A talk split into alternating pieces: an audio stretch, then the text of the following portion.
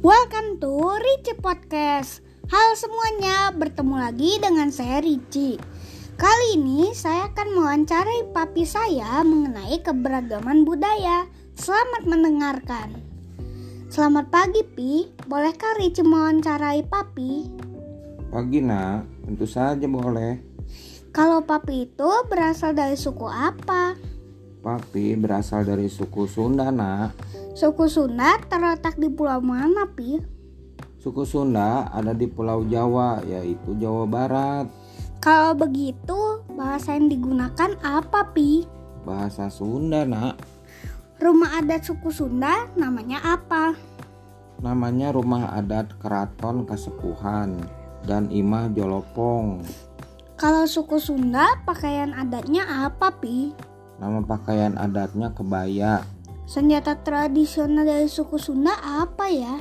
Kalau yang papi tahu, senjata tradisionalnya adalah kujang. Bagaimana dengan upacara adat suku Sunda, Pi? Upacara adat suku Sunda namanya serentaun, yaitu mengangkut padi dari sawah ke lumbung padi. Alat musik dari suku Sunda apa saja, Pi? Ada angklung, kecapi, dan calung.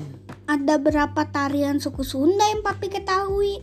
Ada dua yang papi tahu, yaitu tari merak dan jaipong. Ada istiadat apa yang Papi ketahui dari suku Sunda? Ada tradisi serentaun, nipung kahulu, puap lingkung,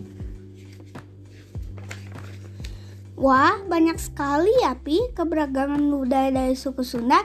Terima kasih atas waktu dan penjelasannya ya, Pi.